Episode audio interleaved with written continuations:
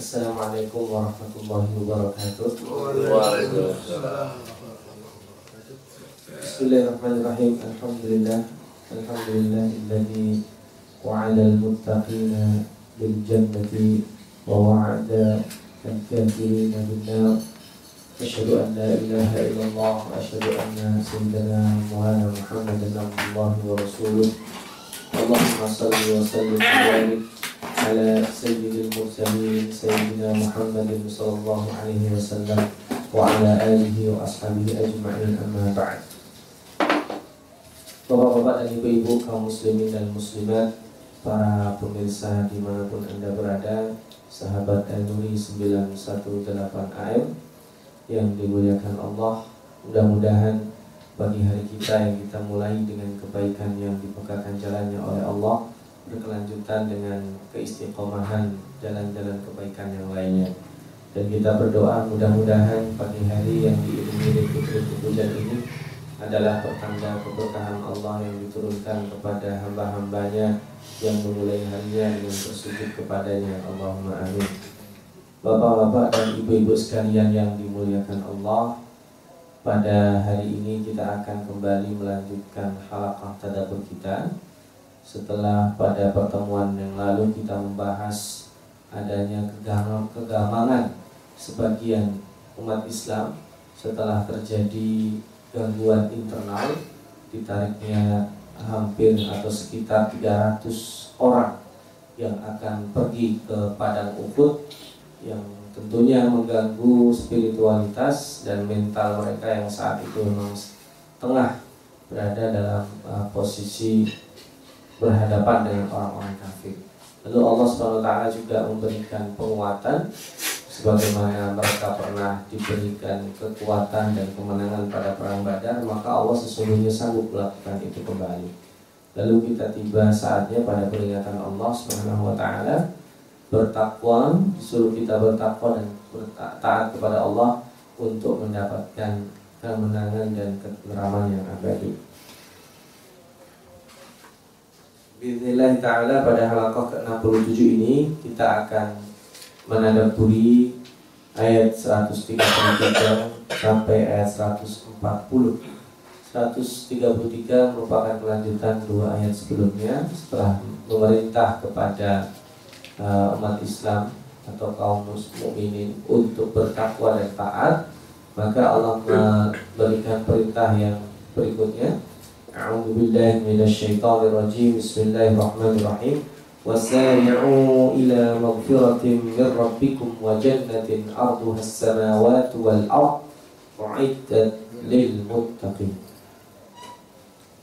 Yang menarik dari ayat ini adalah perintahnya disuruh bersegera. Jadi bersegeralah kalian menuju maghfirah, ampunan dari Tuhan kalian. Ayat senada juga ada di dalam surat Al-Hadid. Sabiqu ila maghfiratin min rabbikum wa jannatin 'arduha ka'ardis sama'i wal ard lil ladzina amanu. Bedanya yang ada di dalam surat Hadid dengan di dalam surat Al-Imran ini adalah di dalam surat Al-Imran ini tidak ada ada tasbih, tidak ada huruf yang digunakan untuk menyerupakan. Kalau ada di dalam surat Al-Hadid itu sabiqu ila maghfiratin min rabbikum wa jannatin 'arduha ka'ardis sama'i wal ard. Jadi seperti kata-kata seperti itu ditiadakan di sini. Di sini langsung dan bersegeralah kalian menuju ampunan Tuhan kalian wa jannatin dan selain bersegera pada ampunan Allah segeralah berburu surga arduha luasnya seluas langit langit-langit di sini as-samawat dipluralkan wal ard dan bumi uiddat lil muttaqin ini disediakan oleh Allah Subhanahu wa taala untuk orang-orang yang bertakwa. Yang pertama perintahnya ini bersegera. Ternyata di dalam Al-Qur'an perintah untuk melakukan kebaikan itu senantiasa datang dengan hal-hal yang seperti ini. Bersegera, sabiku berlomba-lomba, fastabiqul khairat berlomba-lomba kalian dalam kebaikan. Nanti ada ayat Al-Qur'an juga yang mengatakan fafirru ilallah. Fafiru ilallah itu artinya adalah maka kalian berlarilah menuju Allah. Lalu ada juga ayat Wabi wa fi dzalika falyatanafasil mutanafisun. Falyatanafasil mutanafisun itu adalah berlomba-lomba. Di, di, di hal dalam hal yang demikian itulah maka orang yang berlomba saling uh, bertanafus, saling uh, berlomba-lomba untuk menjadi juara. Dan ternyata memang ini menandakan bahwa peluang untuk berprestasi terbuka bagi siapa saja. Tetapi maka yang cepat dia yang akan menang. Karena kalau di dalam Al-Quran tidak ada perintah kalian ayo berbuat baik ya santai-santai aja lah nanti akan mendapatkan. Tidak ada. Semua harus bersegera karena investasi waktu yang Allah berikan itu sama kepada semua orang. Nah, orang diberikan waktu dalam satu hari 24 jam sama dalam satu pekan tujuh hari sama. Dalam satu bulan sekian hari sama. Ini menandakan keadilan Allah diberikan waktu kepada semua orang sama. Tetapi kualitas yang dia gunakan dalam 24 jam, dalam waktu e, uh, 30 hari, dalam waktu 7 hari, itu berbeda dari orang satu dan lainnya. Maka yang akan menang, yang juara adalah orang-orang yang bersegera. Nah, yang menarik di sini bersegera pada satu hal yang bukan materi. Ini yang menarik. Kita bersegera ke mana? Mendapat ampunan Allah, maghfirah. Kenapa maghfirah? Ini lanjutan juga yang kemarin kita bahas. Ternyata memang manusia sangat identik dengan kekurangan dan kesalahan. Maka kita harus berburu sebanyak-banyaknya adalah penghapusan salah kita. Kenapa? Kalau salah-salah kita sudah dihapus, maka berburu berikutnya menjadi gampang. Apa? Jannah, surga. Jadi surga dan ampunan itu suatu hal yang identik. Orang kalau masuk surga itu artinya dosanya tidak dianggap. Orang kalau mendapat ampunan, dosa-dosa yang ditiadakan oleh Allah itu artinya dia berhak masuk surga. Tentunya dengan rahmat Allah Subhanahu wa taala. Nah, yang menarik di sini langsung Allah katakan arduhas samawati wal ard. Luasnya seluas langit dan bumi. Tidak ada luasnya seperti luas langit dan bumi. Kalau di dalam uh, Al-Hadid, arduha ka'ardis sama'i wal ard. Ini berbeda. Kenapa? Karena yang di sini diperuntukkan bagi orang-orang yang bertakwa. Oh, yang di sana surat Al-Hadid diperuntukkan bagi orang-orang yang beriman secara umum. Berbeda. Orang yang bertakwa itu kualitasnya di atas orang-orang yang beriman. Oke, saya katakan saya beriman kepada Anda, percaya kepada Anda, sekedar percaya. Orang yang bertakwa itu adalah kalau bagi manusia, dia bukan hanya percaya saja, dia menjadi sahabat dekatnya, mendengar apa yang dikatakan dan mengikuti apa yang dia lakukan. Maka bertakwa kepada Allah Subhanahu wa taala bukan sekedar percaya kepada Allah dan sudah. Tetapi perkataan itu diikuti dengan melakukan apa yang diperintahkannya, menjauhi apa yang dilarangkan, yang dilarangnya dan mendekatkan diri lebih banyak dengan ibadah-ibadah sunnah lainnya. Nah ini maka arduhas samawati wal ard itu sebagai ganjarannya orang-orang yang cerdas seperti ini tidak memerlukan permisalan paham langsung. Jadi bersegera kepada ampunan dan surga seluas langit dan bumi itu artinya yang luasnya itu bukan sama. Dan ingat sekali lagi jannah, neraka dan surga itu diberikan masal perumpamaan. Karena pada hakikatnya nanti di luar itu, lebih dari itu luasnya seluas langit dan bumi. Kalau kita tanya sekarang, tidak ada satupun manusia yang tahu berapa luas langit dan berapa luas bumi. Di tempat kita sekarang melihat itu angkasa menganga di atas sana, tidak ada satupun orang yang sanggup mengukur luasnya itu berapa kilometer persegi, tidak ada, tidak sanggup. Nah itu surga seluas mata memandang itulah nanti yang akan Allah sediakan bagi orang-orang yang bertakwa. Nah, sampai di sini Allah kemudian menjelaskan karakter orang bertakwa itu seperti apa. Banyak ya orang bertakwa itu di dalam surat Al-Baqarah dijelaskan alladzina bla bla bla bla seterusnya alladzina yu'minuna bil ghaib ada juga seperti itu. Kemudian diteruskan orang yang yuqimuna shalah kemudian orang yang berinfak, beriman kepada kitab-kitab Allah. Tetapi di sini yang menarik pada poin ini karena ini berhubungan dengan ayat-ayat sebelumnya Ayat sebelumnya kan ada larangan memakan harta riba, ya kan? kemudian menceritakan tentang ahli kitab yang mempunyai hubungan buruk dengan orang-orang dan masyarakat sekitarnya. Maka di sini pertanyaan disebut adalah orang-orang yang bertakwa itu adalah alladzina yunfiquna fis sarai Itu mereka yang berinfak di saat lapar dan berinfak di saat sulit. Nah, ini dia. Fisarok mungkin kebanyakan orang duitnya banyak lagi senang hatinya berinfak gampang. Tapi pada saat sulit itu sulit. Dibutuhkan orang yang memiliki tambahan spirit ketika dia berinfak di saat dia sulit. Nah ini, maka orang yang tersebut adalah orang-orang yang bertakwa. Terus bahasanya adalah infak di sini. Infak itu bahasa yang paling luas. Jadi kalau ada lingkaran, lingkaran yang paling kecil, lapis paling kecil itu disebut dengan zakat. Al-Quran mengatakan aqimus sholat wa atus zakat. Zakat hukumnya apa? Wajib. Ada dua ya, zakat fitrah dan zakat mal. Zakat mal perinciannya banyak. Lalu setelah zakat Allah membahasakan lain dalam Al-Quran disebut dengan sodakah. Ya kan? Sodakah itu bisa berupa materi, bisa berupa non materi. Lalu yang lebih luas dari itu adalah alladzina yunfikuna amwalahum. Itu lebih bukan hanya materi dan materi. Peruntukannya itu bukan hanya umat Islam, bisa non muslim juga.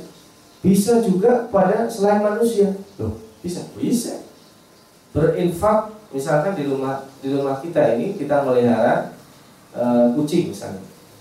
Maka berinfaknya adalah itu kucing kalau nggak dikasih makan kita bisa kena adab memelihara ikan, memelihara yang lainnya. Ya tentunya jangan terlalu aneh-aneh. Maka itu kalau kita niatkan jenisnya adalah memelihara mereka, maka itu juga termasuk infak. Infak itu juga bukan hanya kepada benda hidup, benda mati juga. Kita berinfak di jalan Allah, fisabilillah, membangun masjid. Kan yang dibangun masjid kan itu benda mati ya.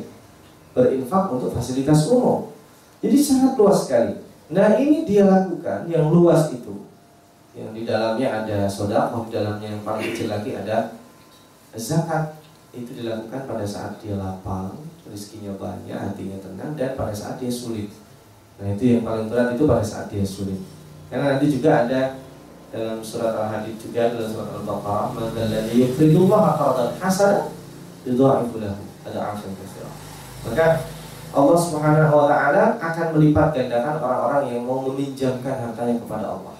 Ini yang menarik sudah ada infak, sedekah dan zakat tapi Allah masih menggunakan bahasa pinjaman yang baik, qardun hasanah. Itu menandakan orang-orang yang berbuat baik selalu ada. Lalu yang kedua, ciri-ciri kedua adalah wal kadhiminal ghaib. Yang menahan marah.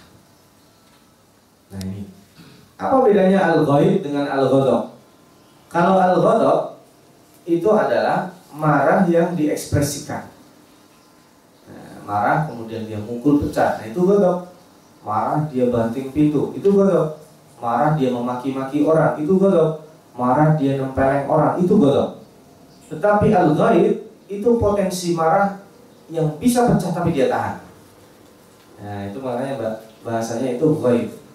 Makanya ada di dalam surat Al-Quran juga Mutu bidhaifikum Matilah kalian dengan kebencian kalian Kan ada juga orang yang sangat benci dengan kita Setiap kita berprestasi dia benci Maka orang seperti ini dikatakan Al-Quran Mutu bidhaifikum Kalian suka atau tidak suka Umat Islam dikasih prestasi sama Allah di, di depan kita dia mulutnya manis tersenyum Tapi sesungguhnya hatinya adalah membara karena benci dengan kita Itu disebut dengan ghaib karena tidak terlihat Makanya wal kadhiminal ghaidha orang yang sanggup menahan potensi amarahnya sebelum meledak. Kalau udah meledak itu disebut dengan ghadab.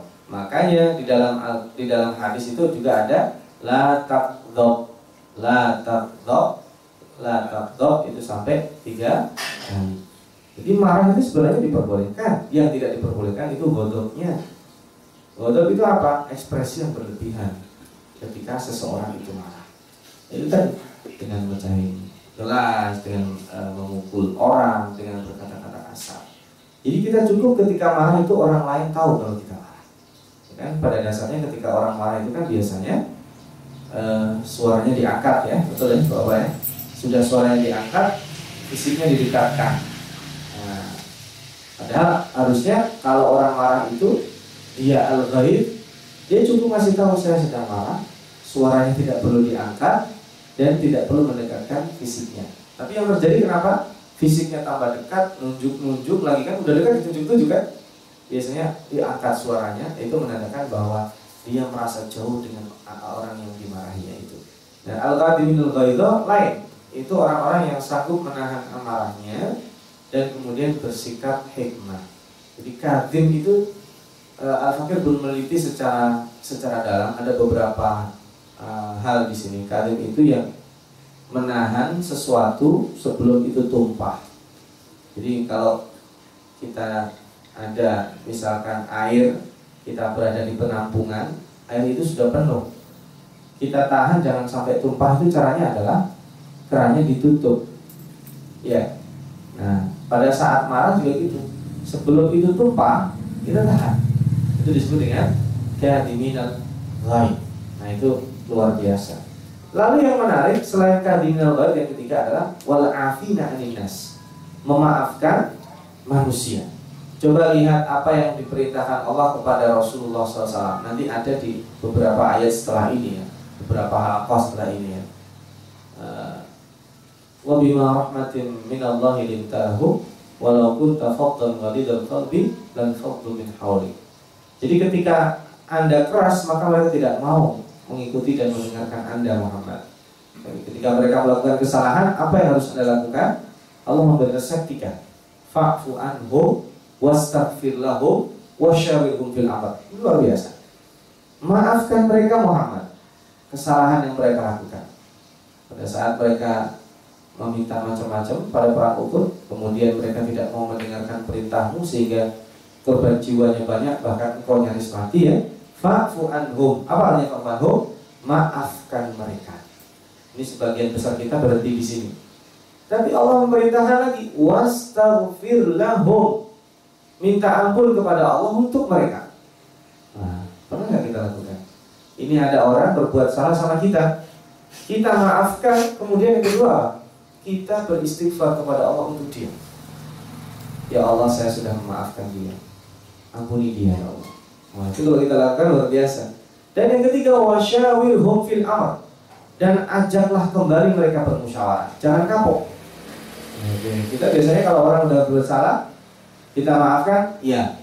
Tapi diminta ampunkan kepada Allah hampir tidak dilakukan. Apalagi kemudian mengajak kembali dia untuk bermusyawarah, apalagi dalam masalah yang sama. Jadi bersifat pemaaf itu berat. Nabi Yusuf alaihissalam sanggup memaafkan saudara-saudaranya. Bahkan dia sanggup berpura-pura di depan saudaranya pada saat dia sanggup berbuat membalasnya. Ya Nabi Yusuf itu ya, ketika datang meminta gandum dia tahu ini dulu orang-orang yang nyemplungin saya ke sumur. Tetapi di situ dia tahan. Bahkan sampai dia pun tidak membuka identitasnya. Dia membuka identitasnya itu setelah kejadian yang kesekian kalinya. Ini luar biasa. Wala afina alinas ini adalah kelanjutan dari e, sifat orang yang sanggup menyembunyikan. Tadi kan ya, Fisara otorat itu kan menyembunyikan keadaan dia, dia sanggup berinfak dalam kondisi apa pun. Kemudian yang kedua, menahan amarah yang ketiga adalah memaafkan manusia. Maka Allah Taala menutup ayat ini dengan wallahu yuhibbul muhsinin. Allah mencintai orang-orang yang bersikap ihsan. Ihsan itu dari kata-kata hak sin dan nun. Hasan itu kan baik. Hasan itu bagus. Hasan itu bukan hanya sekedar cantik, bukan hanya sekedar tampan, tetapi memang dia tampilannya luar biasa baik di luar dan di dalam. Maka yuhibbul muhsinin itu kenapa muhsin? Karena baiknya dia bukan hanya untuk baik diri sendiri. Kalau seseorang sholat, baik dia. Seseorang puasa, baik dia. Tetapi yang dikatakan muhsin, baiknya itu berimplikasi kepada kebaikan yang bisa bermanfaat bagi orang lain. Lihat di sini. Infak itu untuk dia atau untuk di luar dia? Untuk di luar dia. Kemanfaatannya kepada orang lain maka berpotensi ihsannya lebih besar. Kemudian al-kadhiminal ghaib, ketika dia nahan amarah, nahan amarahnya ke siapa? Ke orang lain. Maka nahan amarahnya ini bermanfaat. Dan memaafkan, memaafkan siapa? Manusia-manusia. maka ini disebut dengan ihsan. Jadi kalau seseorang soleh, sholat, puasa, ini sholatnya betul bagus prasyarat, tetapi harus ditindaklanjuti dengan ihsan. Ihsan itu apa? Ihsan adalah kalau di dalam sholat kualitas ihsannya itu adalah menghadirkan Allah dan Rasulnya. Anta'budallah ka'annaka tarahu fa'ilam takun tarahu yarah. Kalau ihsan dalam artian diri sendiri itu profesionalitas kita di depan Allah adalah totalitas penghambaan. Tetapi ihsan bermakna kemudian itu adalah kita bisa bergerak untuk memanfaatkan kesalahan pribadi kita untuk orang lain dan masyarakat sekitar kita. Nah, yang menarik adalah ciri-ciri berikutnya. Kalau yang tadi itu oke-oke aja ya, tiga ciri positif ya, infak, eh, menahan marah, memaafkan. Yang berikutnya walladzina idza fa'alu fahishatan aw zalamu anfusahum dzakarullaha fastaghfiru lidzunubihim. Yaitu orang bertakwa selain tiga hal yang tadi disebut adalah mereka yang ketika berbuat keji. Masya Allah, fahisyah itu disebut di dalam Al-Quran untuk perbuatan-perbuatan yang sangat dibenci dan dilaknat oleh Allah. Ya.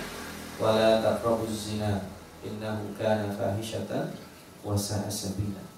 Berbuat zina itu keji. Berbuat keji itu hal-hal yang tidak dibayangkan oleh manusia normal. Jadi artinya sebagian ada yang mengartikan fahisyah di sini adalah dosa besar.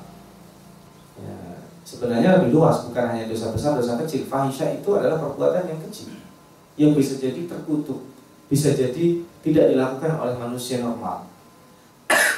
Auzalamu anfusahum ini dosa kecil. Ada yang mengartikan demikian. Zalamu anfusahum itu mereka mendolimi diri mereka sendiri. Ada yang mengartikan dua. Fahisha itu berbuat uh, keji ke orang lain ya. ya. Ada terlibat orang lain dalam perbuatan dosa itu. Zalamu anfusahum itu berbuat pada dirinya sendiri yang mendolimi dirinya sendiri. Dia nggak sempat, dia nggak puasa itu dalam anfusahum. Mendolimi peluang kebaikan yang Allah berikan pada diri mereka sendiri. Nah, dua-dua itu mereka lakukan. Meskipun di sini bahasanya au, au itu tidak berarti atau. Nah, ini ataunya adalah atau traduksi.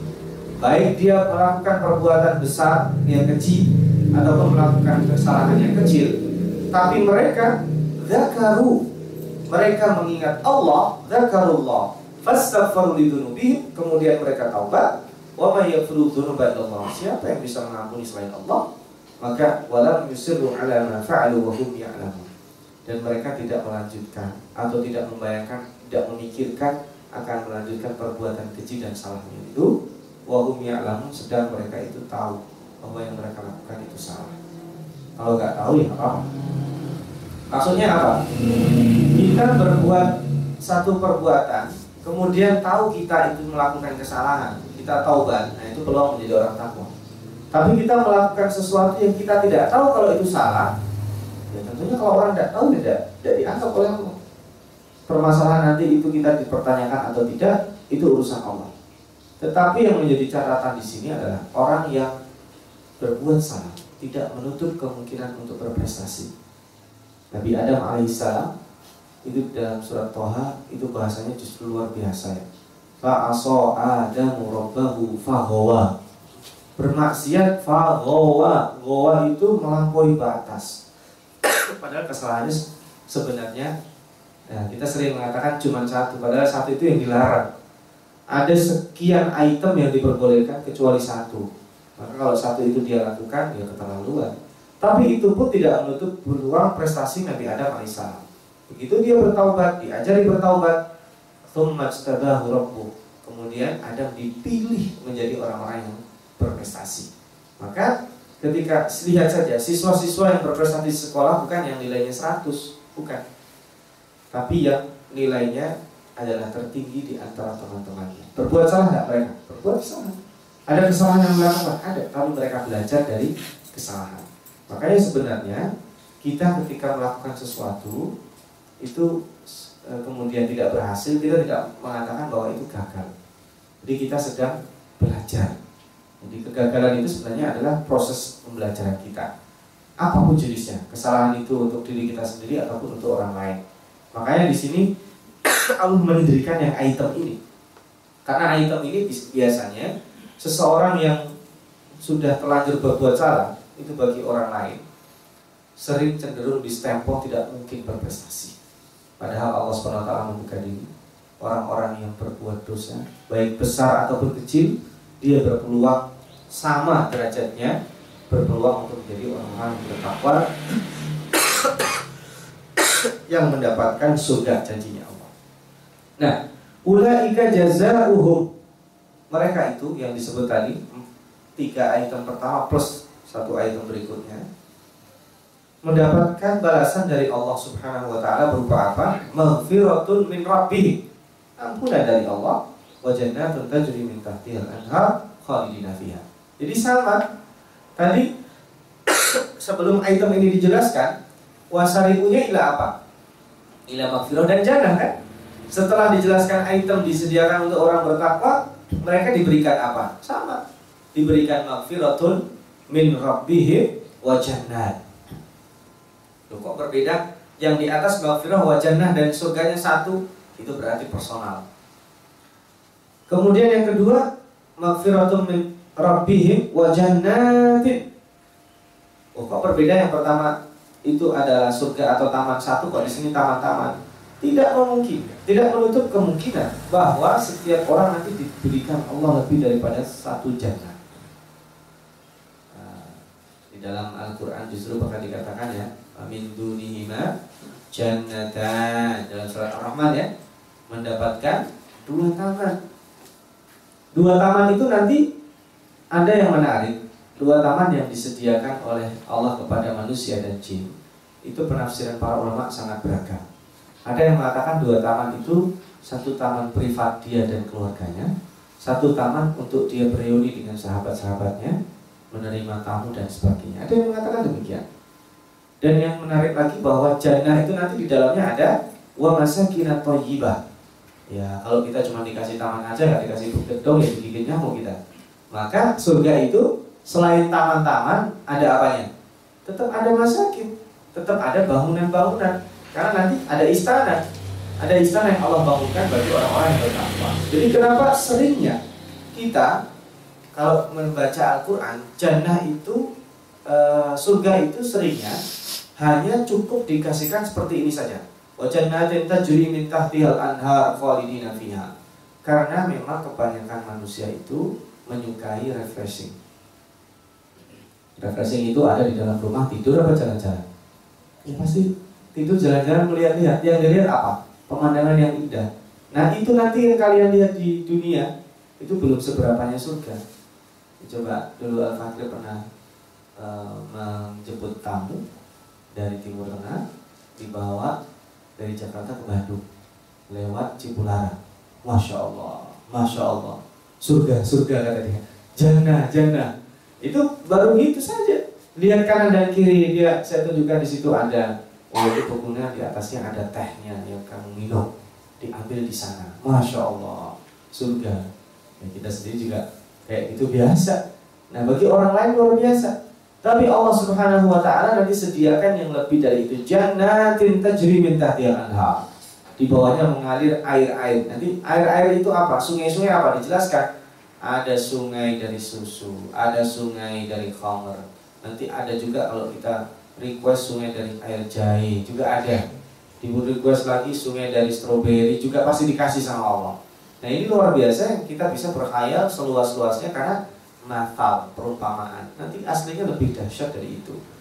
Nah Allah katakan fani ma'ajrul amilin itu adalah nikmat yang luar biasa yang Allah untukkan peruntukkan bagi al-amilin orang-orang yang yang bekerja bukan orang-orang yang obdu saja bukan orang-orang yang sekedar mengatakan saya percaya tapi tidak melakukan itu nah Sampai di sini ayat-ayat motivasi itu beralih Qad qablikum. Sunnah. Jadi ada sunnah atau peristiwa atau kejadian yang sudah lewat sebelum kalian. dilalui oleh umat-umat sebelum kalian. Fasiru fil ardi maka kalian berjalan di atas bumi. Nah ini menandakan bahwa Allah sebenarnya memerintahkan kita untuk dalam dalam kutip rekreasi. Ini dalilnya para tokai tokai itu. Jadi kita jalan-jalan ke mana-mana itu disuruh sama Allah. Jadi kita harus punya investasi untuk jalan-jalan. Jadi bapak dan ibu sekalian yang dimuliakan Allah, pemirsa dan sahabat yang tulis 918 AM, kita disuruh untuk investasi berjalan-jalan. Jadi jalan-jalan itu betul bukan kebutuhan primer kita, tetapi kita harus ada upaya supaya mau jalan. Karena di sini diperintah Allah, fasiru fil arti supaya kita tahu fanturu kaifa kana akibatul mukadzibin. Bahkan kita juga dianjurkan selain bepergian ke tempat-tempat yang di situ dimuliakan Allah, ini satu rihal kepada Masjidil Haram, Masjid Nabawi dan Masjidil Aqsa, kita juga diperintahkan untuk jalan-jalan yang di situ umat-umat terdahulu pernah disiksa oleh Allah. Kita pergi ke laut mati. Lalu kita bayangkan bagaimana satu kampung di sini, satu desa menjadi danau laut mati sekarang di situ. Dulu Allah Subhanahu wa taala mengadab kaum Nabi Lut. Ini baru meskipun perkiraan ya, tapi diperkirakan di situlah tempatnya. Lalu kita pergi ke Mesir bagaimana Fir'aun itu tenggelam di Laut Merah peradaban yang luar biasa seperti itu. Kita pergi ke Yordania ada Petra, kemudian kita pergi ke Yunani, kita pergi ke Roma, kita pergi ke tempat-tempat yang lainnya. Yang dulu Allah Subhanahu wa taala pernah menghabisi mereka. Orang-orang yang sampai kepada puncak peradaban mereka itu dihancurkan Allah sebabnya di sini apa? Manduru kaifakana akibatul mukadzibin. Orang-orang itu mendustakan para utusan Allah dan mereka habis tanpa sisa. Kalaupun ada adalah sisa-sisa peradaban mereka. Hadza inilah Al-Qur'an bayanun linnas adalah keterangan yang jelas bagi manusia wahudan dan petunjuk wa mau'idhah juga sama petunjuk mau'idhah dan hudan itu hampir sama mau'idhah merupakan nasihat bagi siapa lil muttaqin luar biasa ya Allah Subhanahu wa taala di dalam Al-Qur'an itu sering menyebut Al-Qur'an hudan linnas. Tetapi hudan linnas itu baru potensi. Kayak ini sering Al-Fakir ulang-ulang ya. Kayak seseorang ketika melihat peta kota Jakarta di toko buku. Maka peta kota Jakarta itu potensinya adalah seperti hudan linnas, petunjuk bagi siapa saja.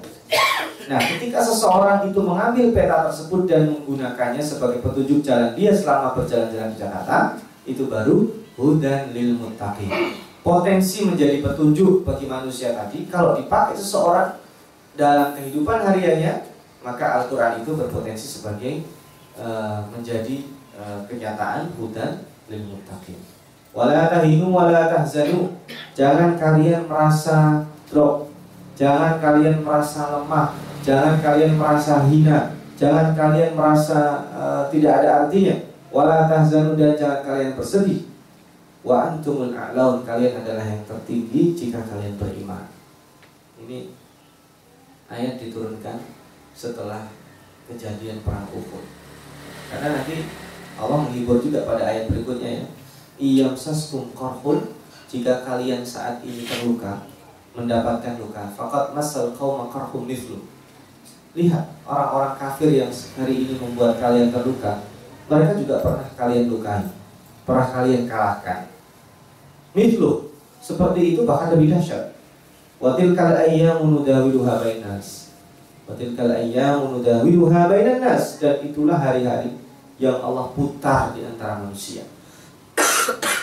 Jadi nanti Bapak dan Ibu sekalian Hari-hari kita itu pasti diputar oleh Allah.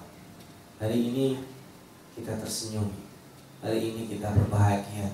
Hari ini hati kita lapang dengan enak sekali. Esok hari bisa jadi sebaliknya terjadi. Kita sedih sekali.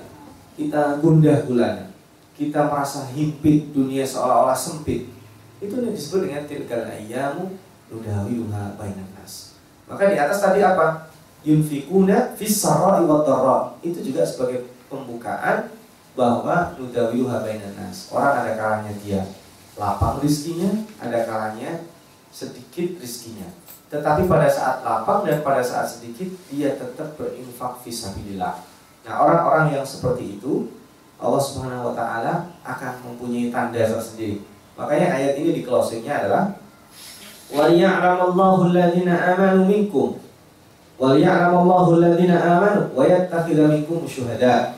Dan Allah Subhanahu wa taala dengan adanya ujian ini, ini ujiannya. Kalau pun di sini adalah ujian.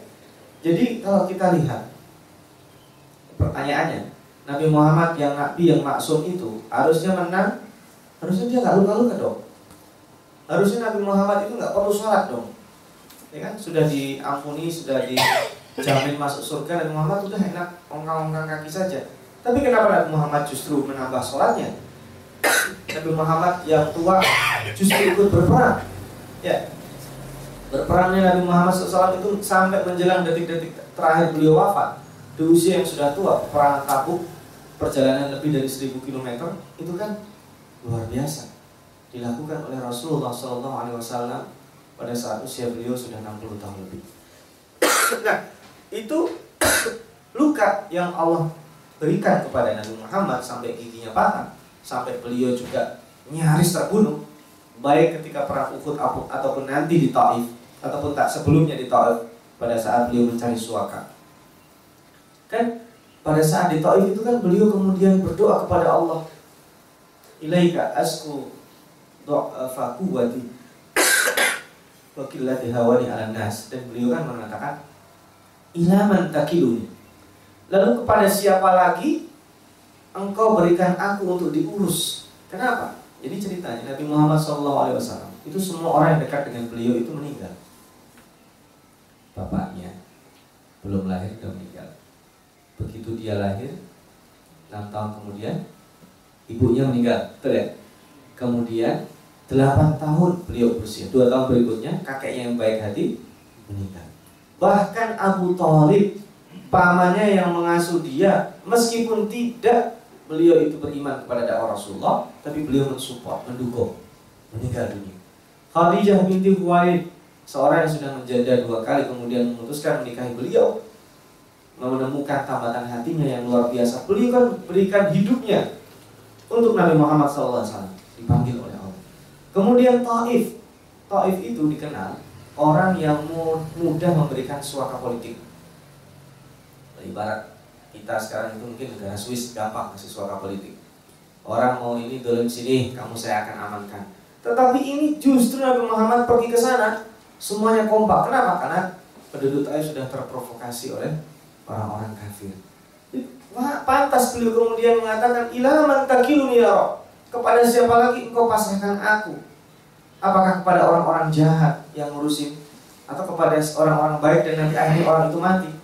Maka ini seolah-olah dijawab oleh Allah. Kalau engkau aku berikan orang yang kuat membekengi kamu Muhammad, nanti kamu bergantungnya kepada siapa? Ada orang itu.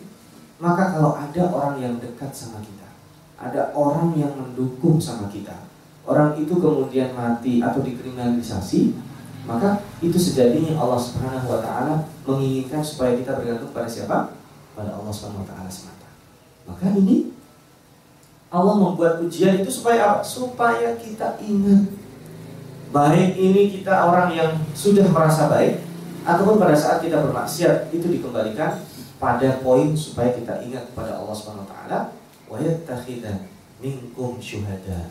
Dan kemudian diangkat sebagian orang yang beriman itu derajatnya dengan kesyahidan mati syahid gugur di jalan Allah taala. Wallahu la yuhibbul Allah tidak menyukai orang-orang zalim nah kalau tafsir yang tekstual yang ayat ini diturunkan orang-orang zalim ini bukan orang kafir yang dimaksud orang dolim di sini adalah orang-orang munafik yang menarik diri. Jadi mereka udah semangat nih. Ya Rasulullah, ayo dong kita keluar. Jangan di sini, jangan di Madinah. Ayo kita keluar, kita hadang mereka. Kita sanggup ngumpulin tambahan 300 orang. Jadi jumlah kita bisa 1000 orang. Eh, begitu berjalan, 300 orang ini diprovokasi sama satu orang ini, Abdullah bin Ubay bin Salul, untuk mundur Berhasil dia membawa mundur 50 orang, kemudian terpengaruh 50 orang berikutnya sampai kemudian 300 orang jumlah total yang mundur. Ini orang yang zalim. Orang yang zalim orang yang tidak bertanggung jawab. Nah, orang-orang yang zalim seperti ini Allah Subhanahu wa taala sudah eliminasi. Tetapi nanti itu pun mereka bisa berpeluang untuk memperbaikinya. Nah, ini kalau tafsiran yang kontekstual lebih dari itu ya, jenis kezaliman juga banyak. Tapi yang dimaksud di sini wallahu la zalimin uh, yang dihubungkan dengan pada saat ayat ini diturunkan adalah Allah tidak menyukai orang-orang munafik yang memprovokasi terjadinya idhamat ta'ifatu minkum antafsha orang-orang beriman yang 700 itu kemudian ngedrop aduh berkurang kita 300 orang. Yang kita hadapi lebih banyak dari itu. Nah orang-orang tersebut adalah orang-orang yang tidak bertanggung jawab. Jika kita melihat saudara kita berada dalam kesulitan kemudian udah kamu jalan aja sendiri. Itu ingat itu bisa kita dikategorikan termasuk orang-orang yang telah ini sedangkan potensi untuk menolong saudara kita itu ada. Ini yang bisa kita tadaburi. Mudah-mudahan kita termasuk orang-orang yang di atas tadi ya yaitu al-muttaqin yang Allah sediakan surga taman-taman yang luasnya seluas langit-langit dan bumi yaitu dengan melakukan empat uh, tiga item yang pertama. Nah, tiga item pertama itu harus kita lakukan berinfak kemudian nahan marah dan memaafkan. Dan jika nah, item ini sengaja disendirikan dan jika terpaksa kita melakukan kesalahan dengan disengaja atau tidak sengaja tidak menutup peluang kita menjadi orang berprestasi dengan syarat kita perbaiki dengan ingat Allah dan memohon ampunan kepadanya. Lalu kita diperintahkan Allah untuk berjalan-jalan. Kita harus investasikan sebagian harta kita untuk bepergian dengan catatan kita akan mengingat akibat orang-orang yang mendustakan uh, utusan Allah Subhanahu wa taala dan kemudian yang terakhir kita belajar tentang sunnatul mudawalah. Sunnatul mudawalah adalah diperkirakannya manusia untuk memimpin, diperkirakannya manusia untuk mendapatkan kemenangan, juga kondisi personal pribadi kita yang berubah-ubah. Tujuannya apa? Supaya Allah uji orang yang beriman, supaya Allah melihat dan kemudian mengganjar orang-orang yang sampai pada derajat syuhada, yaitu orang-orang yang mempersembahkan harta dan jiwanya kepada Allah Subhanahu wa taala. Ini yang bisa uh, Al-Fakir sampaikan pada tadabur kesempatan kali ini. Mudah-mudahan kita bisa melanjutkan tadabur di ayat-ayat berikutnya menjadikan Al-Quran sebagai uh, pedoman dan petunjuk bagi kita sehingga hidup kita istiqomah berada dalam track kebenaran. Aku lupa lihada Ja'alallahu iyyakum minal ladzina yastami'una al-qawla fayattabi'una ahsana. Wassalamualaikum warahmatullahi wabarakatuh.